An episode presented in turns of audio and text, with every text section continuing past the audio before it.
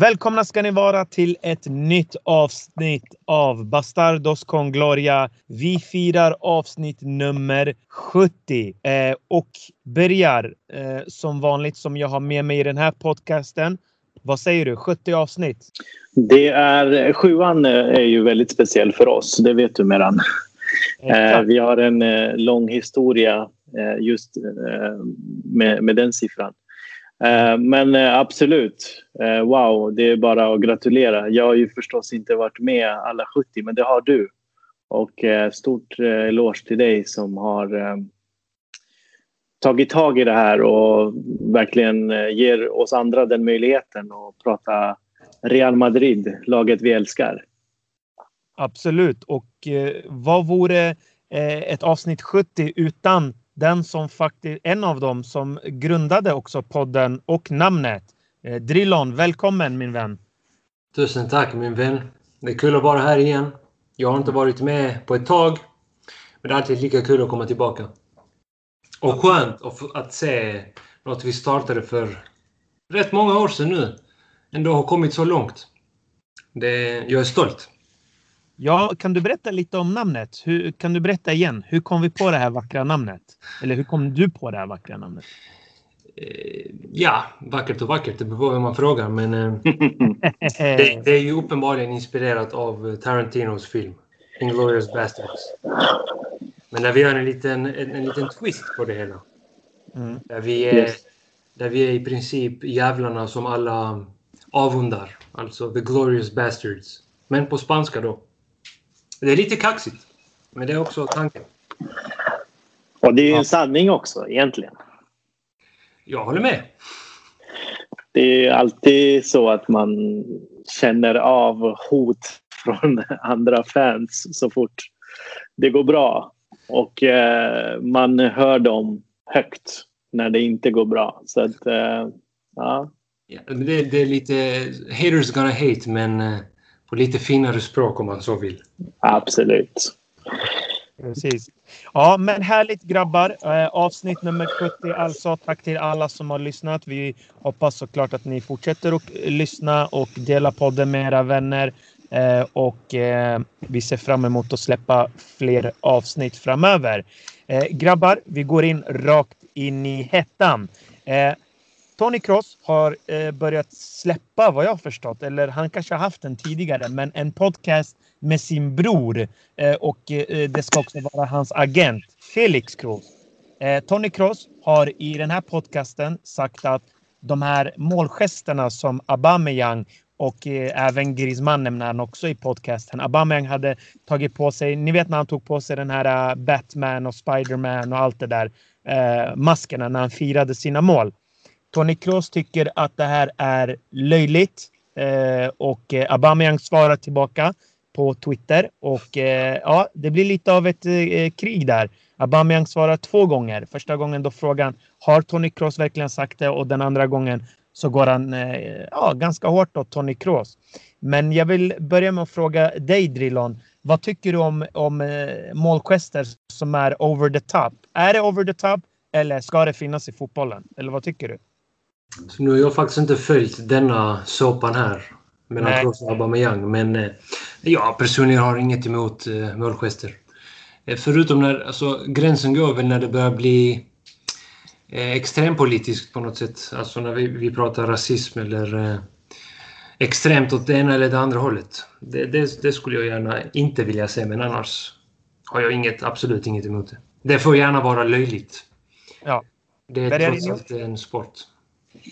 Ja, jag kan ju tänka mig varför eh, Tony Kroos reagerar som han gör eh, i och med att vi vet vilken typ av eh, personlighet han har också. Han är inte den som gärna sticker ut och vill synas och kommer med den liksom häftigaste frillan eller syns till på sociala medier och hörs väldigt mycket efter matcher och så. Vad jag vet så är han väldigt jordnära och fortfarande den grabben som han har varit eh, innan han blev proffs. Så att eh, många som har varit nära honom beskriver honom på så sätt. Så jag förstår att han tycker det är lite löjligt med till exempel att det dyker upp en mask helt plötsligt på en fotbollsplan eh, om man tar eh, Aubameyangs firande där och då. Eh, men för min del, det stör inte mig. Jag tycker det, det är lite ovanligt för att eh, när det dyker upp föremål som inte tillhör fotbollsplanen, en hatt flyger in eller en mask och så vidare. Men eh, det stör inte mig på samma sätt som det tydligen stör eh, Tony Kroos. Och jag har också bara snabbt läst eh, om diskussionerna och Aubameyang som har frågat om Tony Kroos har några barn och liksom eh, eh uttryckt sig lite fel såg jag också. Men eh, för, mig, för min del inget, inget särskilt. Men jag, jag märker att det, det, verkar vara någon typ av eh, krig på sociala medier där. Exakt. Det är ju krig på sociala medier. Han skriver By the way, does this Tony Kroos have kids? Just to remember, I did it for my son few times and I will do it again. I wish you have kids one day and make them happy like this junior school pupils talk and don't forget forget mask on, stay safe, clown biz. Mm. Eh, så halva Arsenal Twitter är eh, efter Tony Kroos. Eh, det kan ju vara en bra Det kanske tänder eh, till eh, Tony Kroos. Man vet ju aldrig hur det slår. Men jag håller med grabbar. Vem bryr sig? Helt ärligt. Man får väl göra vilken målgest man vill så länge det inte är som Drillon säger nedsättande på något sätt. annars så. Ja, absolut. Vem bryr sig? Helt ärligt. Eh, å andra sidan kan man som du säger börja förstå varför Tony Kroos tycker det. Eh, old school Tony Kroos. Ja, Bra. precis. Eh, vi går in direkt eh, på matcherna som har varit. Eh, vi, eh, när vi spelar in den här podden så har vi inte i alla fall tidigare podd pratat om Intermatchen. Real Madrid besegrade Inter med 3-2. Eh, en första halvlek där Karim Benzema gör 2-0 och Lautaro Martinez reducerar i eh, ja, 35 minuten. Och sen är det Ivan Perisic som kvitterar och eh, en viss Rodrigo med, tillsammans med Vinicius Brasse-duon i 80 eh, stänker dit trean då och eh, det är vinst för Real Madrid. Innan vi går in på matchen grabbar, Drillon, jag måste fråga dig. Den här arenan, Alfredo Di Stefano, eh, eh mäktig träningsanläggning på alla möjliga sätt och vis. Men visst tar det udden av de här stora matcherna. Vad tycker du? Ja, inget tvivel om den saken. Definitivt.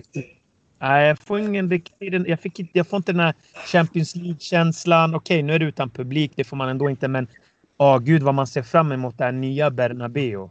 Ja, men alltså publiken är ju såklart oerhört viktig, men samtidigt bara faktumet att man är på en klassisk arena där läktarna står, står högt upp och omringar en. Alltså, det är också en känsla i sig.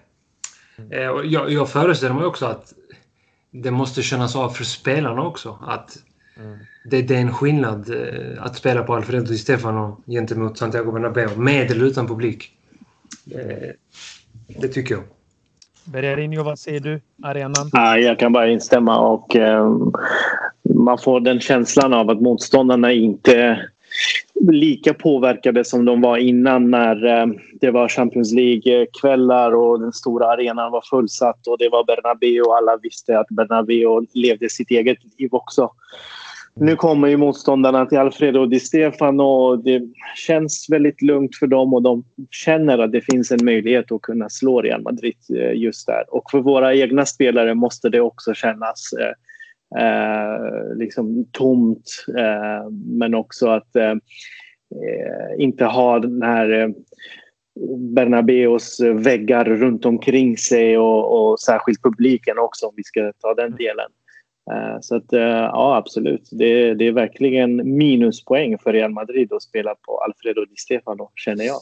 Men, men samtidigt så tror jag inte det finns eh, statistiska underlag för att det har gått sämre på den arenan rent eh, resultatmässigt. Det är faktiskt så.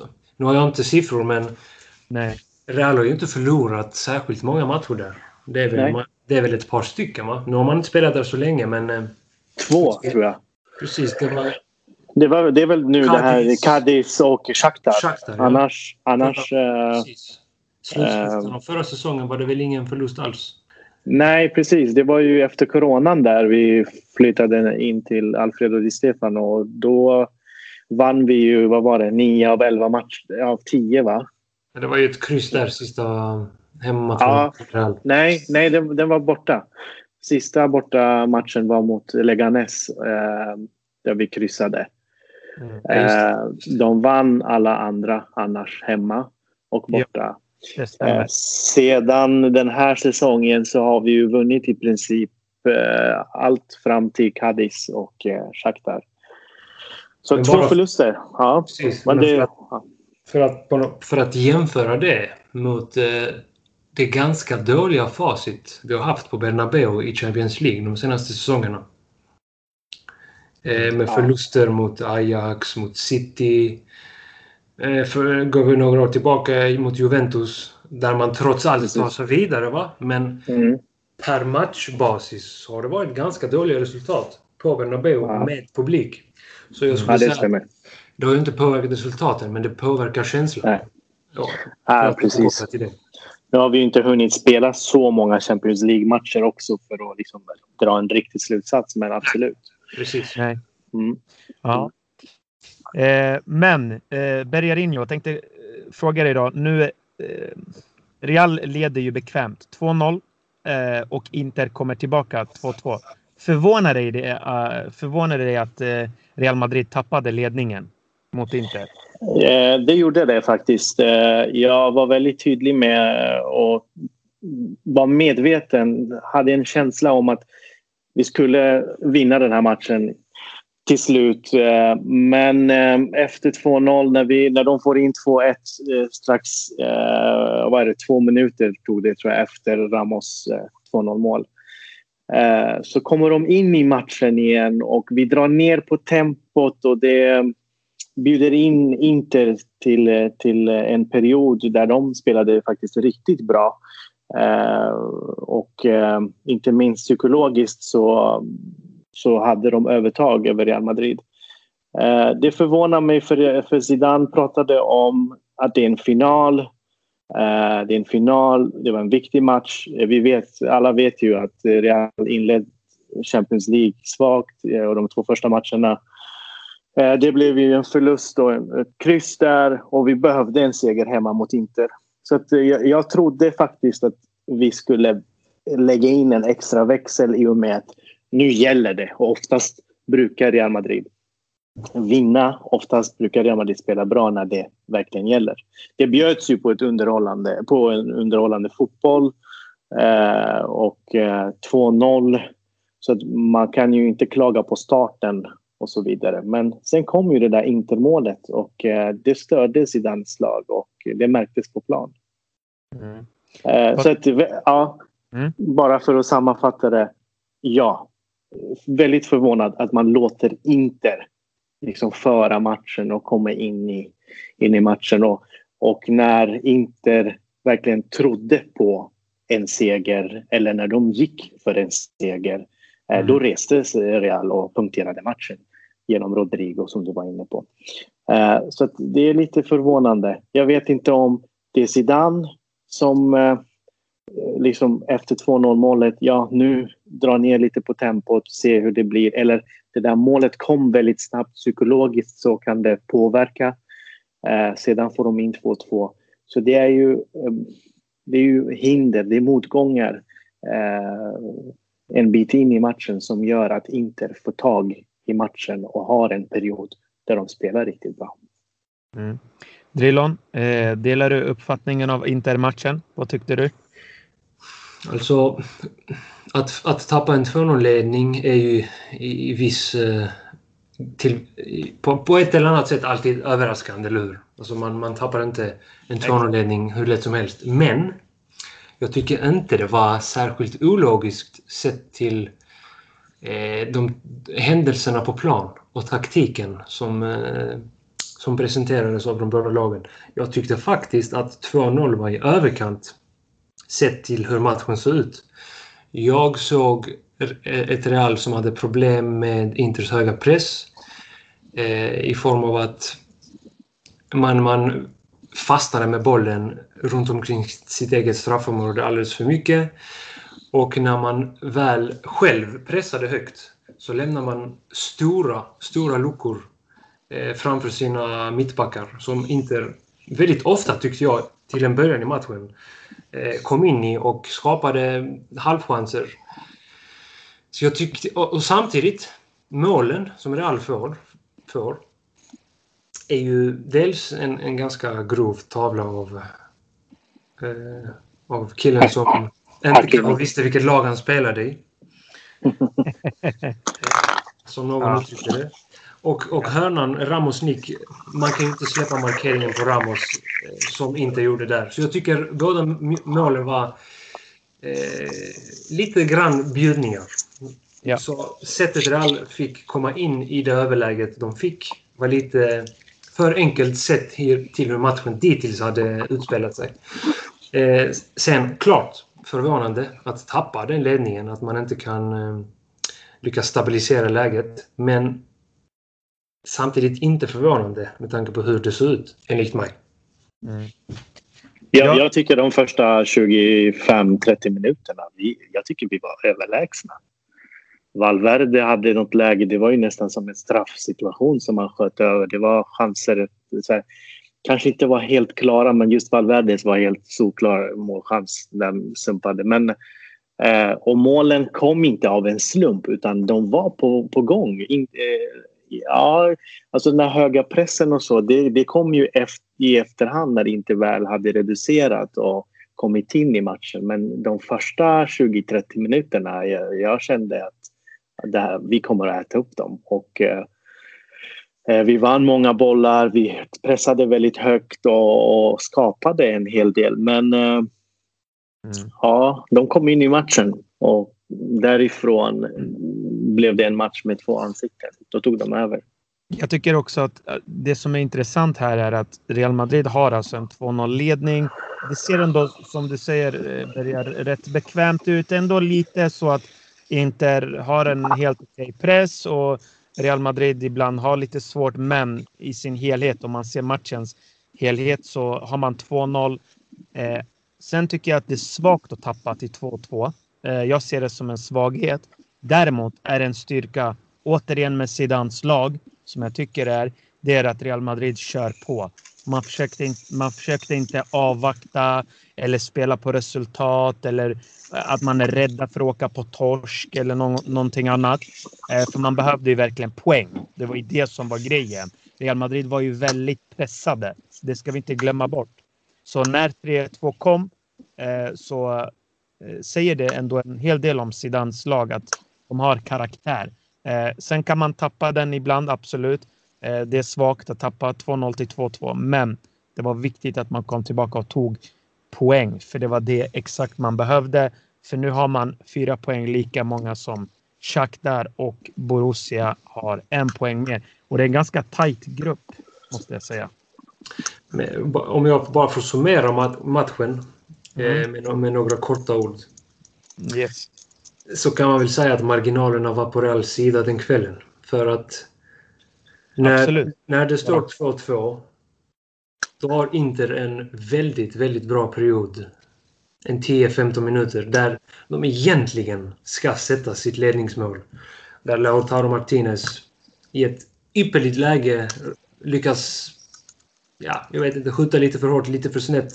Där mm. Eh, en bredsida mot bortre slickar utkanten av stolpen. Där ska det egentligen vara 3-2. Och då har det varit en helt annan historia.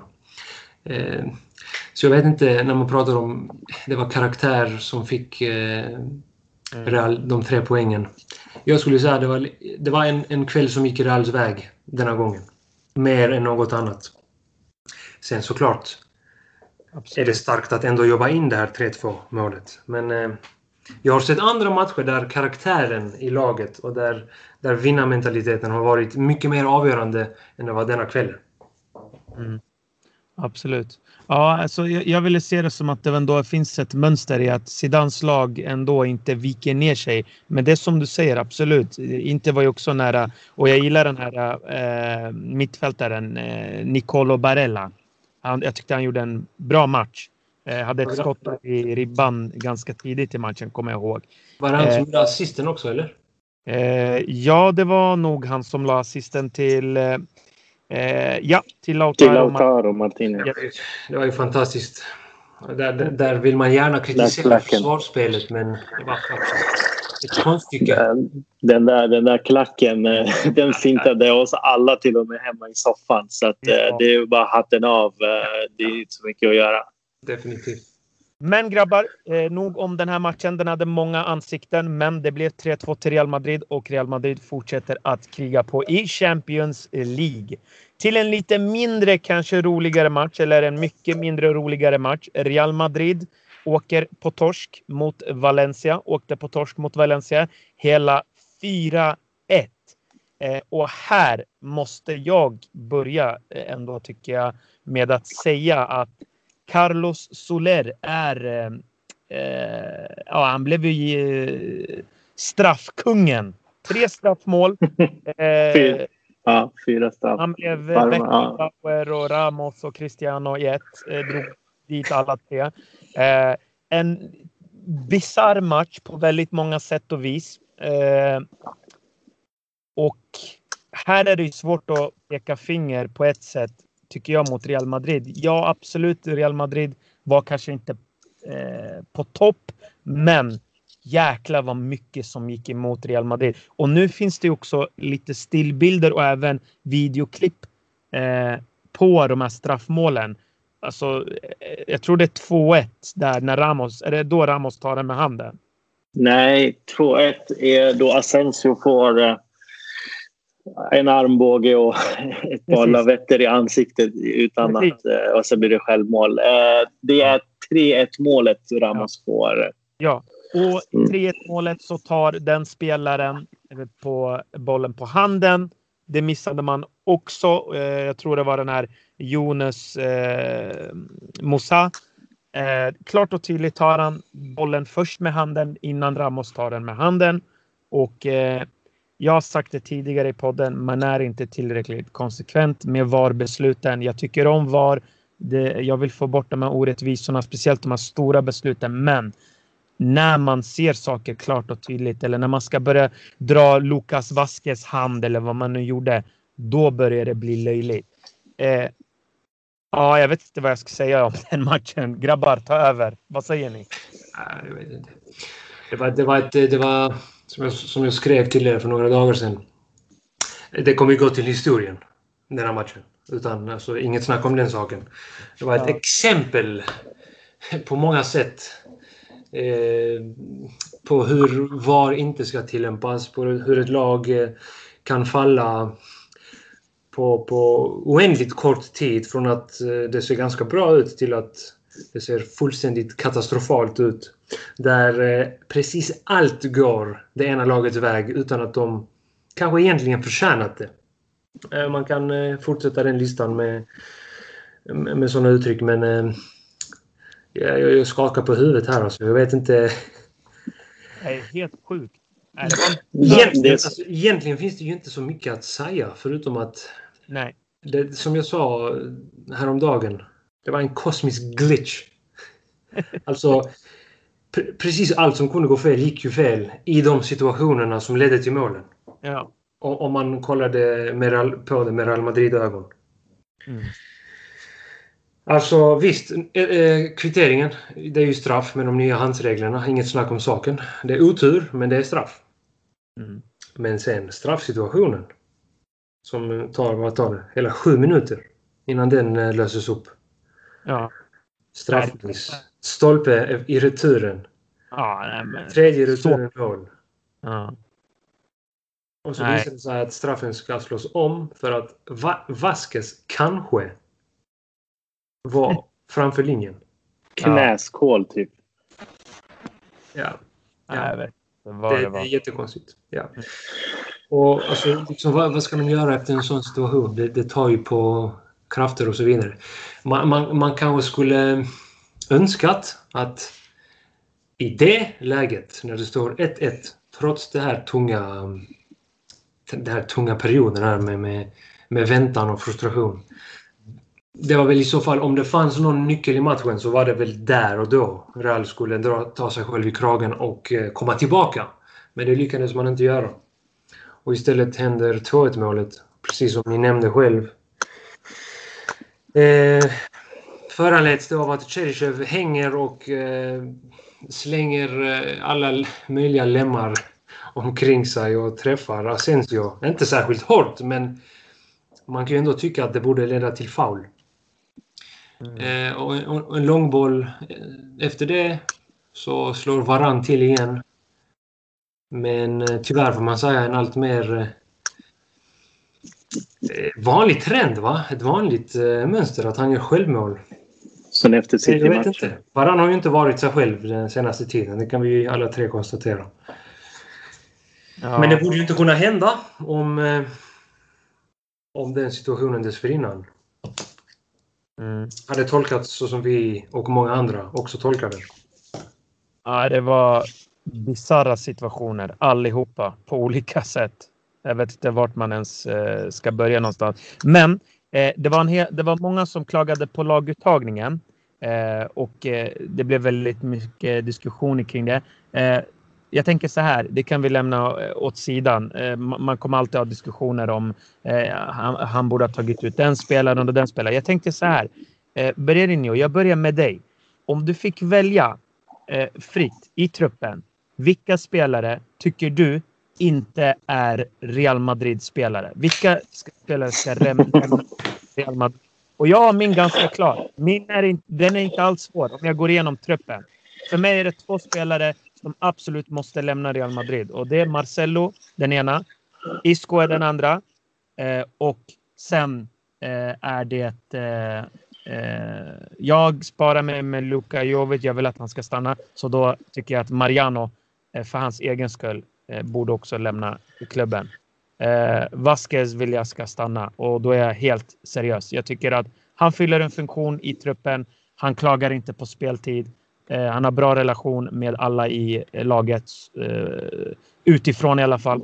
Så jag vill inte att han lämnar. Bergerino, vilka är dina spelare? Oh, vilken svår fråga Meran. För att eh, varje spelare som man nämner behöver liksom sin argument och förklaring till varför. Eh, jag tycker tvärt dig, en spelare som Marcelo är absolut en Real Madrid-spelare tycker jag. Okay. Um, han, han har ju en höjd, en topp som vi alla känner till och ja, just nu är han bedrövlig men han är en spelare som ska tillhöra en klubb som Real Madrid. Eh, men eh, däremot så har vi vissa spelare som är frågetecken på eh, och de är alldeles för många. Börjar vi i backlinjen då tycker jag till exempel Nacho och Driozola. de här två spelarna, det är stora frågetecken för mig. Varför de fortfarande tillhör Real Madrid. Ja, Lucas Vasquez är också en sån spelare som jag tycker att Eh, man kan säga mycket om hans hjärta och det är en egen produkt och så vidare. Det, det är för mig den sidan då jag förstår varför Zidane har kvar honom. Men när det gäller hans fotboll Nja, det, det, är inte jag så pigg på. Eh, Isco, eh, där du nämnde en till. En jättestor frågetecken. Han vet jag varit, vet vi har varit under isen i flera år nu. Eh, särskilt sedan Zidane lämnade eh, första upplagan. Eh, sedan var han utfryst av eh, Solari. Han eh, var inte där för Lopetegi som Lopetegi verkligen behövde. Och, Eh, gjorde inte så särskilt bra VM heller eh, då alla trodde att allt skulle byggas runt omkring Isco och han skulle vara stjärnan i det spanska landslaget. Eh, sedan har vi spelare som ja, Vinicius, vi har Luka Jovic, Mariano Diaz. Eh, de här är också eh, frågetecken för mig. Vad gör de kvar i laget om det inte finns en plan, om det inte finns en framtid? Varför ska de få minuter? Varför ska de vara kvar? Personligen eh, är jag för Asensio. Jag gillar honom för att jag tycker att han är en extremt smart spelare och vi har också sett vilken typ av höjd han har. Men han är inte hundraprocentig just nu. Det kan jag köpa. Det är okej okay för mig. Det, det, finns en anledning till varför han inte är det. Men det finns andra spelare där, det, där jag inte kan se orsak eller anledningen till varför de inte levererar. En sån spelare är ju till exempel eh, Isco. Han har Zidans förtroende, han får spela även om han är under isen skit, om jag uttrycker mig så. Så han har ju tränarens eh, liksom förtroende. Eh, men ändå tar inte vara på chansen. Han ser överviktig ut, han ser slö ut. Så där, där måste man diskutera. Okej, okay, nu har han, han kanske inte får den utvecklingen som vi alla förväntade oss. Eh, så mm. det, är, det är en hel bunt skulle jag säga. Du ser, egentligen... det var inte så svårt Bergarinho. Du sågade halva laget typ, eller nästan halva yeah. laget. Det, det är i princip halva laget. Jag, jag tycker att eh, Real Madrid ska ha spelare som verkligen har en framtid i laget. Jag ser inte Odriozola som en spelare som ska ta över efter Carvajal. Han har i alla fall inte visat det. Och då tycker jag att man gör, ska, behöver göra sig av med honom och istället ha en spelare som man vet kan successivt ta över den positionen. Mm. Eh, samma sak är det med till exempel om nu jag går tillbaka till Mariano och Jovic som är två nior och i och med ett, stort problem i offensiven som vi har i år så är det lätt att peka finger på dem också. Om de här två inte är planen, vad gör de kvar i truppen? Varför är de kvar? Eh, varför finns det inte någon annan som är tänkt för Zidane och för Real Madrid framöver? Så att eh, det, det är de frågorna man får ställa. Eh, Valencia-matchen eh, jag vet att ni har diskuterat det. Det är ju förkrossande med 4-1 och jag håller med om att allting gick bara emot och det var en bra start och vi leder och liksom så kommer alla de här sekvenserna. Man får inte tid att andas. Sen kommer nästa straff och man försöker komma in i matchen. Så kommer nästa straff och man bara okej, okay. självmål och så vidare. Så att jag kan inte peka på att ja, det var Isco och Marcellos fel för de startade eller det var Zidans laguttagning. Vi vet ju att Mandi tackade nej till det franska landslaget för han har bekymmer. Det är, något, det är någonting som inte stämmer. Han kanske har någon muskelbristning eller något liknande. Eh, Tony Kroos förstår jag inte riktigt varför han inte spelade. Men eh, om vi tar Marcellos position vänsterbacken. Sen är inte, det var inte där problemet var. Det som gjorde mig besviken det är att vi har ju nämnt och verkligen applåderat att Zidans lag är det laget som ofta ger en reaktion. De reagerar. Fastän vi ligger under med 2-0 borta i Gladbach så kommer vi tillbaka. Och här ville jag se den här tendensen att vi kommer tillbaka. Men det var så mycket eh, det var så mycket ond runt omkring i Mestalla med hans och det var så, så konstiga saker som hände. Så jag tror inte spelarna kunde bara köpa och tänka ja men okej, okay, nu är Valencia så bra, de gjorde två mål så vi måste rycka upp oss. Det var mer den här känslan av att nej, allting går bara emot oss idag, vad är det här? Alltså, det går inte att göra någonting. Så att eh, vissa saker i fotboll går inte att förklara. Det, det är svårt att förklara vad jag menar med det, men vissa saker i fotboll går inte att förklara. Och det där var en sån match. Valencia spelar inte bra, men demoner eller fladdermöss eller vad vi kan kalla från Mestalla tog över matchen och såg till så att, Mestalla, eh, att Valencia vann. Och de gjorde det. Och vi vill ju inte vara det, de personerna som kritiserar VAR. Eh, vi har ju varit emot till exempel eh, det som hände i El Clasico och så vidare. Så jag säger grattis, de vann. VAR hjälpte, absolut. Två, tre av de här målen borde inte vara mål egentligen. Och jag hoppas att allting är nollställt och folk kan hålla tyst och vi kan gå vidare om, om de här VAR-sekvenserna som mm. tenderar att Real Madrid alltid får med sig nu. Mm. Eh, Drill, Drillon, eh, om vi fokuserar på din lista. Eh, jag och Bergar har nämnt några spelare. Eh, är det någon, några eller någon spelare som du känner inte är Real Madrid kvalitet eller håller? Eh, och det som du säger Berger, vi har ju pratat, de, alltså man, det är lätt att peka finger med Isco, Marcelo och de här. Eh, för mig handlar det inte bara just om den här matchen, men den här matchen visade ändå att ah, Marcelo, det är mer än bara eh, att alltså det har varit under en längre period och den här matchen eh, satte lite spiken i kistan kändes det som. du har till och med statistik på det va? Vad sa du? Du har ju till och med statistik på det här med Marcelo. Jag skickade den här statistiken till eh, er precis. Och det är ju så att sedan sen han kom tillbaka har han förlorat nio eh, ligamatcher. Eh, eller nio matcher. Eh, och de här nio matcherna har Marcelo startat alla. Eh, Drillon, vad säger du? Angående den statistiken. Det, ja, det är lite uppseendeväckande, men man kan ju inte hävda att det, har, att det har ett orsakssamband bara för att det finns en koppling. Utan man måste ju faktiskt analysera de matcherna ja. noggrant innan man kan säga okej, okay, det är på grund av Marcelo. Men det är lite såklart lite olyckligt och det är enkelt att peka finger på Marcelo för vi vet alla att han är... Hans defensiva arbete har ju kanske aldrig varit särskilt bra men eh, den har ju, det har ju bara blivit sämre och sämre med åren. Eh, och det, det kommer ju inte bli bättre någonsin, den aspekten.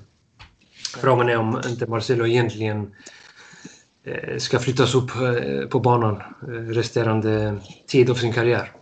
Men den här frågan angående spelare som inte platsar eller som inte tillhör eller som inte passar in i Real Madrid.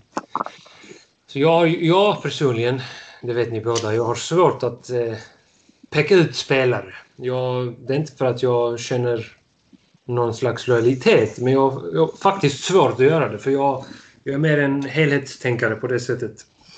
Eh, men jag, jag, skulle ändå vilja säga att det finns man kan säga, två typer av eh, problem kopplat till det. Dels är det ju spelare som är bra idag, men som har varit bättre och är på väg mot slutet av sina karriärer. Och tyvärr finns det lite för många av den klassen i, i laget idag. Jag älskar Modric. Jag älskar Kroos, jag älskar Ramos. Benzema. De har alla gett... Eh, slitit och gett eh, allt för den här klubben. Men det är ju inte spelare man kan bygga en framtid på. Så det, dels finns det det problemet att eh, generationsskiftet är på gång men det är ganska långsamt och så ska man också ta i beaktning den ekonomiska situationen som definitivt bromsar upp den här eh, övergångsperioden ganska kraftigt. Men sen finns ju de andra spelarna som Ja, många av dem helt enkelt har, hör inte hemma i, i, i Real Madrid. Bergar, du nämnde Odriozola, ni har pratat om Isco. Isco hör väl till den eh, första klassen jag nämner här. Men han, han sticker ju ut i, i det avseendet att han ser verkligen loj ut. Alltså visst, Modric, Kroos, Ramos, Benzema och så vidare har kanske sett sina bästa dagar även om många av de här fortsätter att göra briljanta matcher. Men Isco däremot, det är ju det är liksom what the hell. Eh, där, där håller jag faktiskt med helt och hållet att han, eh, han behöver lämna. Och jag tror faktiskt att... Nu, hur gammal är Isco? Han, är han 30 än? Nej. Han är precis under 30 va? 27, 27 kanske. 28. Är han inte 90, 92 något sånt? Ja, 27, 28 skulle jag gissa på. Alltså han är ju inte så gammal att han egentligen borde spela på det sättet han gör. Jag tror däremot att det är ett fall av mättnad. Isco är den mättaste spelaren i laget. Och därför tror jag också att han kan eh, återuppliva sin karriär genom att gå till en annan klubb. Jag tror att han har lite mer i sig än vad han faktiskt visar de senaste tre, tre åren. va? Sist Isco var bra var ju guldåret 2017, egentligen.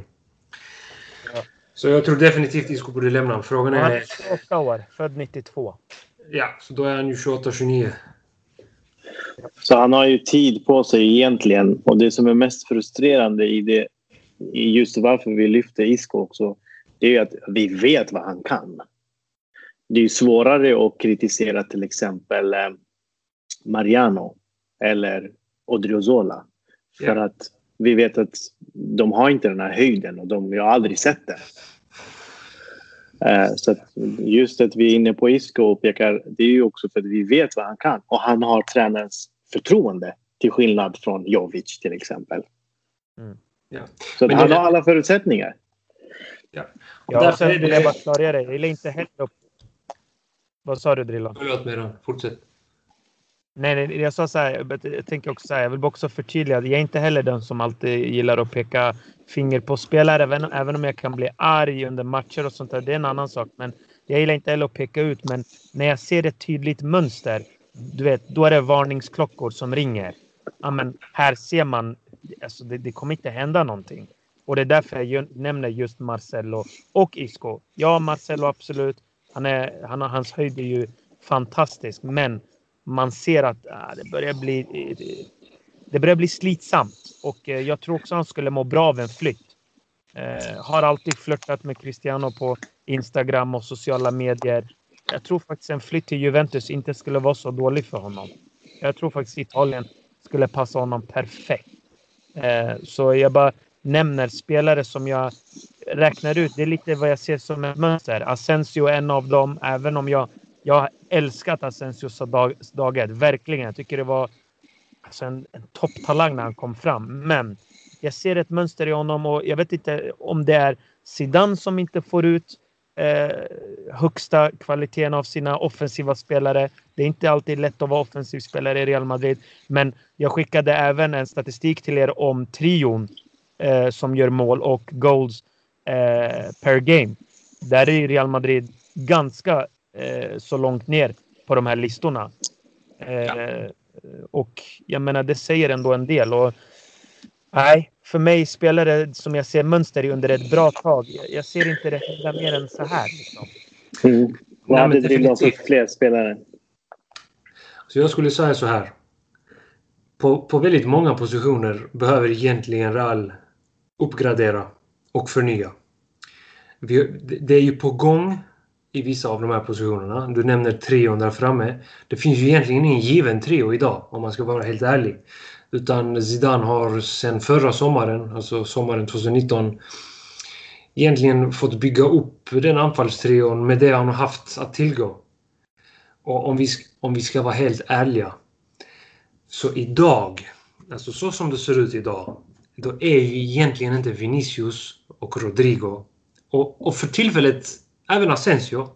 Spelare som egentligen tillhör Real Madrid eh, på pappret. Liksom. Så, som, som, precis. De hör inte hemma i startelvan egentligen. Eh, om vi pratar vad, vad eh, liksom i, ja, eh, i schablonsmässiga termer, vilken spelare är en Real Madrid-spelare. Men du har en Hazard som en hel säsong spelade va? Matcher som du kan räkna på två händer kanske. Gjorde en riktigt bra match som jag minns det. Eh, Asensio var ju skadad, långtidsskadad. Eh, och det är väl också lite grann det som gör att han spelar som han gör idag. Antar jag att det var det du var inne på innan också, Bergar.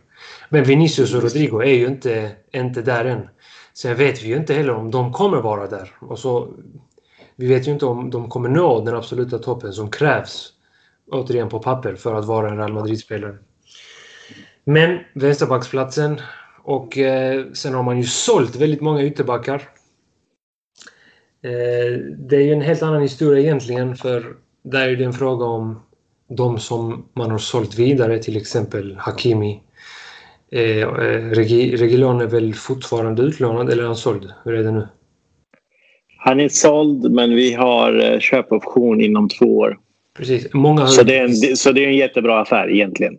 Ja, det är en superaffär. Ja. Sen har ju många kritiserat de här övergångarna. Varför behåller inte Real dem? Men vi vet ju alla tre här att det är inte så enkelt. För att de spelarna som har lämnat kräver ju en startplats.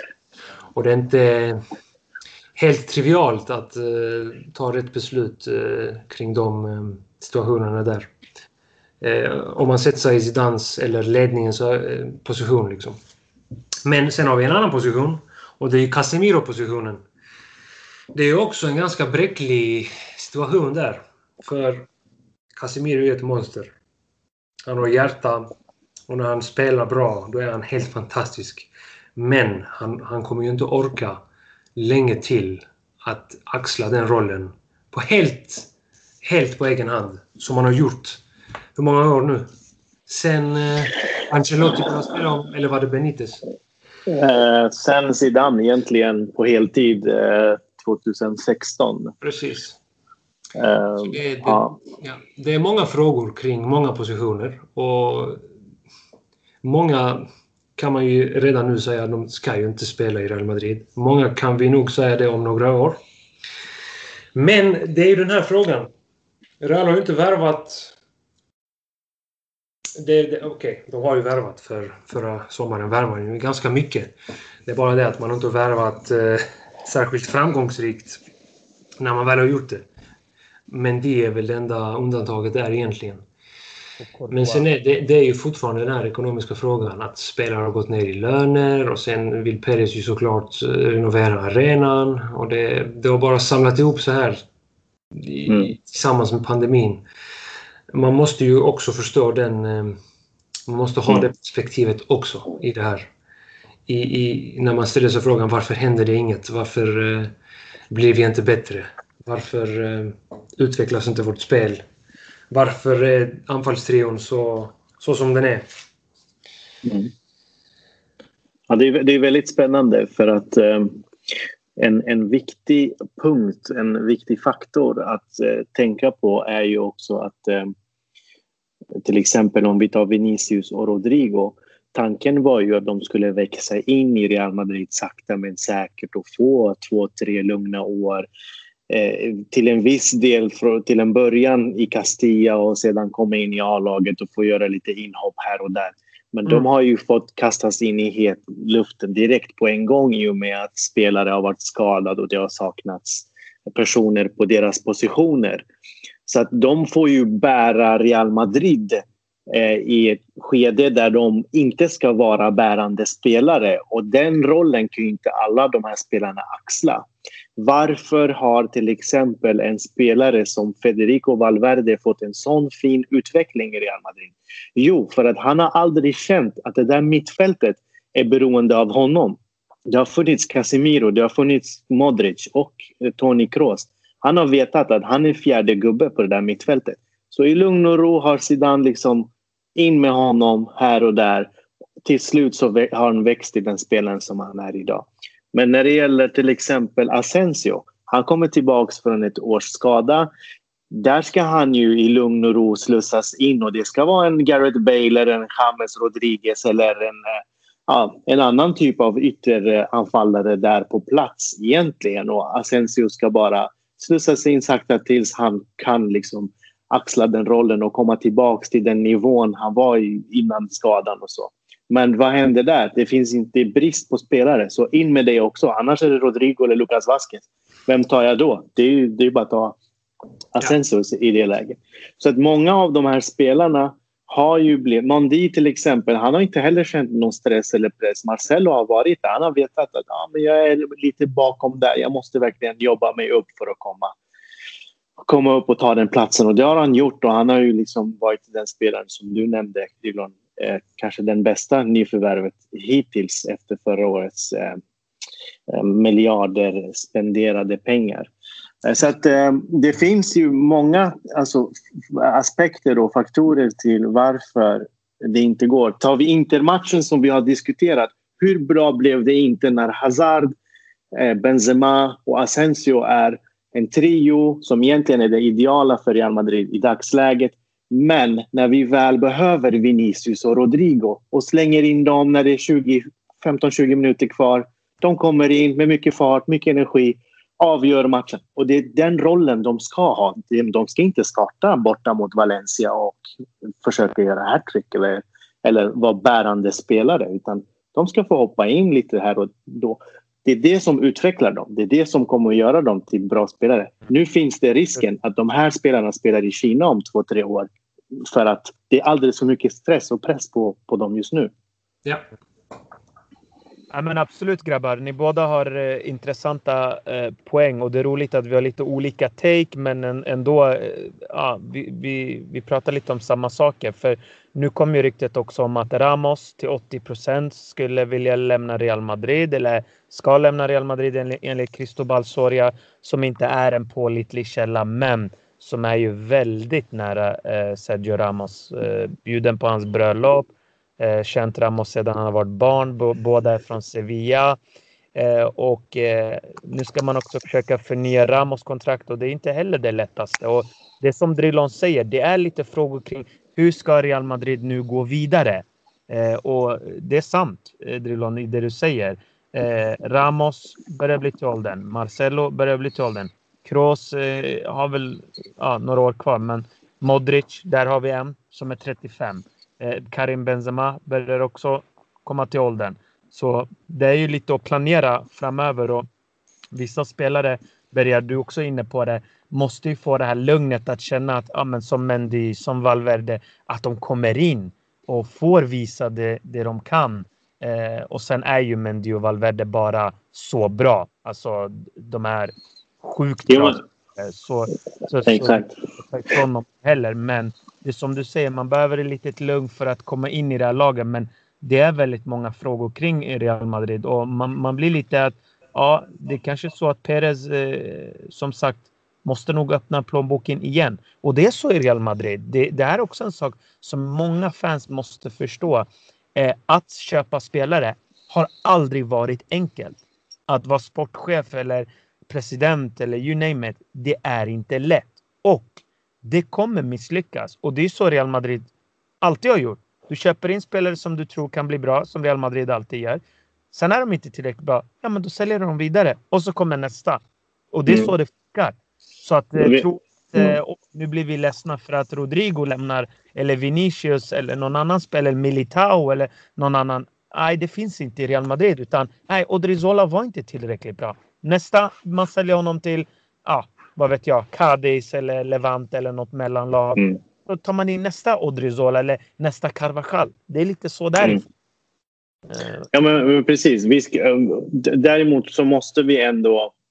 Alltså, om, vi, om vi säger så här. Eh, Real Madrid valde själva att genomgå ett generationsskifte. Och det gjorde de efter trippeln Champions League-vinsterna. Då börjar man mm. eh, liksom själva policyn går ju ändå tillbaka till Mourinhos tid där man började satsa på lite yngre spelare istället för att köpa etablerade Ballon d'Or-vinnare eh, hela tiden. Men generationsskiftet det, det började efter, ja, efter 2017 då. Eh, under Zidans sista år, där kom ju till exempel Ceballos och hela det här gänget in. Eh, till skillnad till exempel från Barcelona som har varit tvungna och gör ett eh, generationsskifte nu i år pressade. Du måste göra den. Det är löneproblem, det är spelare som är äldre och så vidare. Så vi har inte haft det problemet och det är ju väldigt positivt. Det måste man lyfta. Och man måste ändå eh, också eh, berömma policyn som vi har. Men däremot så har inte allt gått som man har tänkt. Man har ju tänkt att Vinicius ska vara under Hazards vingar och få växa upp där. Men vad ska han göra när Hazard är borta ett helt år? Man har ju tänkt att Rodrigo ska vara en komplement till, Rodrigo, eh, till eh, Asensio. Men vad ska han göra? Han drog korsbandet och är borta i ett år. Sen är det jätteviktigt att stommen, att eh, pelarna i laget är kvar när man gör det här generationsskiftet. Det går inte att ta bort Ramos, Benzema, hela Modric, hela gänget på en gång. Då kommer du inte kunna göra det inom en snar, alltså en planerad tid. Det kan ta hur lång tid som helst innan det sätts, sätts på plats. Så är det, det är viktigt att Ramos finns när nästa mittback sakta men säkert slussas in. Det är viktigt att Benzema finns när nästa nia sakta men säkert slussas in. Eller Modric för den delen och så vidare. Eh, så att de här spelarna är jätteviktiga i själva generationsskiftet. Så de ska man ju egentligen inte eh, röra utan man ska börja tänka på de här som han, man har tänkt ska ta över. Är de rätt spelare? Har de rätt förtroende från tränaren? Har de det som krävs? Klarar de av stressen och pressen att leverera i Real Madrid som är väldigt unikt jämfört med andra lag och så vidare. Så det är det man måste titta på. Resterande, de får ju gå. För att titta på en Benzema idag som är 32 år. Han levererar ju ändå 8, 7 av 10 matcher. Men en Jovic levererar en av tio. Det är där som problemet är. Du behöver hitta en spelare som kommer in och kanske levererar fem, sex gånger under tio matcher för att sedan kunna slussa in honom som en ordinarie spelare. Så det, man måste titta på trappa ner bakom Modric, bakom eh, Ramos och så vidare. Det är där vi har problemet. Varför vi också pekar finger mot Isco. Jag har alltid tänkt att ja, men om Modric, han har ju kommit till åren, men Isco kan ju ta över. En, kanske en annan roll, men han kan vara den tredje mittfältaren bredvid Casemiro och eh, Toni Kroos. Men vi ser att det funkar inte. Så det, man måste titta på dem som är steget under för att genomgå generationsskiftet eh, som, som är tänkt och som är planerad. Mm. Jag instämmer där. Absolut. Grabbar, om det inte var någonting mer att tillägga så rundar vi av här. Nej, det är inget särskilt för mig. Spännande fotboll i helgen. Det är väl Frankrike-Portugal, va? Ja, jag bojkottar, det vet du. Men absolut, Jag skojade med dig. jag, jag ville säga Nations League. Men en intressant grej eh, som vi kan lyfta faktiskt. Vi skippar struntpratet. Eh, kanske ska nämna Brahim Diaz, eh, Dani Ceballos, Reguilon. Alla de här spelarna tillhör ju ändå Real Madrid och de gör det bra ifrån sig eh, där de är just nu. Och det är väldigt positivt. Ja. Och Diaz, absolut. Eh, Ceballos lite till och från. Och Kubo.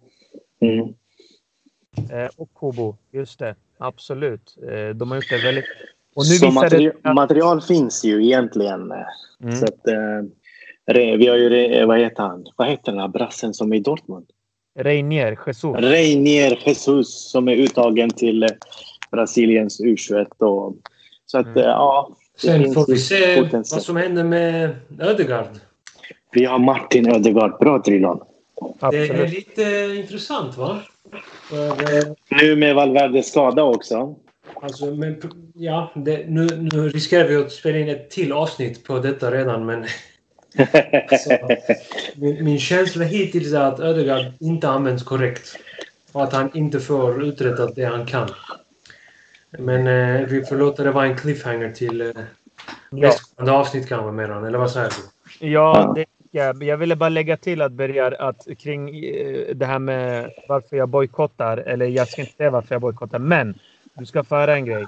Modric eh, syntes på bild innan man fick reda på att den där kroatiska spelaren hade covid. Och nu visar det sig också att även Vinicius landslagskamrat Gabriel Merino, han har fått covid och Vinicius har tränat med honom hela veckan. Och jag tror att oh. eh, ska eh, börja eh, förbereda för nästa match. Alltså han kommer inte ha några spelare kvar. Och det är här som jag hatar med landskamper, förutom covid-grejen. Men jag kommer inte kolla. Det är principer. Men i alla fall. Eh, tråkigt för Zidane. Han kommer ha väldigt många, antagligen, borta. Eh, ja. det är bra. På grund av covid och skador och överbelastning på fotbollen och eh, jag tycker Uefa och Fifa och allt vad de nu heter, de är eh, giriga. Eh, ja, det är förnamnet bara.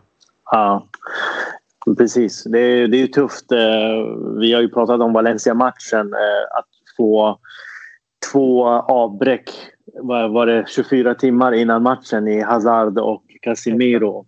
Två liksom etablerade spelare eh, som betyder mycket för det här laget försvann och sen ja. Så att eh, ja, det, det, jag vet inte om vi ska prata covid någonting för det är väl kanske lika för alla men, men däremot är det ju en, det en faktor som, som verkligen är störande. Absolut. Vi vet ju att Milit, Militao har ju varit borta nu i två, två, två veckor mm. eh, på grund av covid också så att eh, Exakt. Uh, ja. Kul att vara Zidane där eh, på måndagen. Ja, precis. Drillon, tack för att du var med och kunde ställa upp, min vän. Tusen tack för att du blev inbjuden. Absolut, som alltid. Bergarinho, tack för att du var med. Tack så mycket. Tack. Eh, jättekul att Drillon var med också. Härligt grabbar. Eh, avsnitt nummer 70. Eh, tack till alla som lyssnar. Fortsätt lyssna. Vi finns överallt. Eh, vi älskar er. Chao, adiós. Vamos. Aló, Madrid.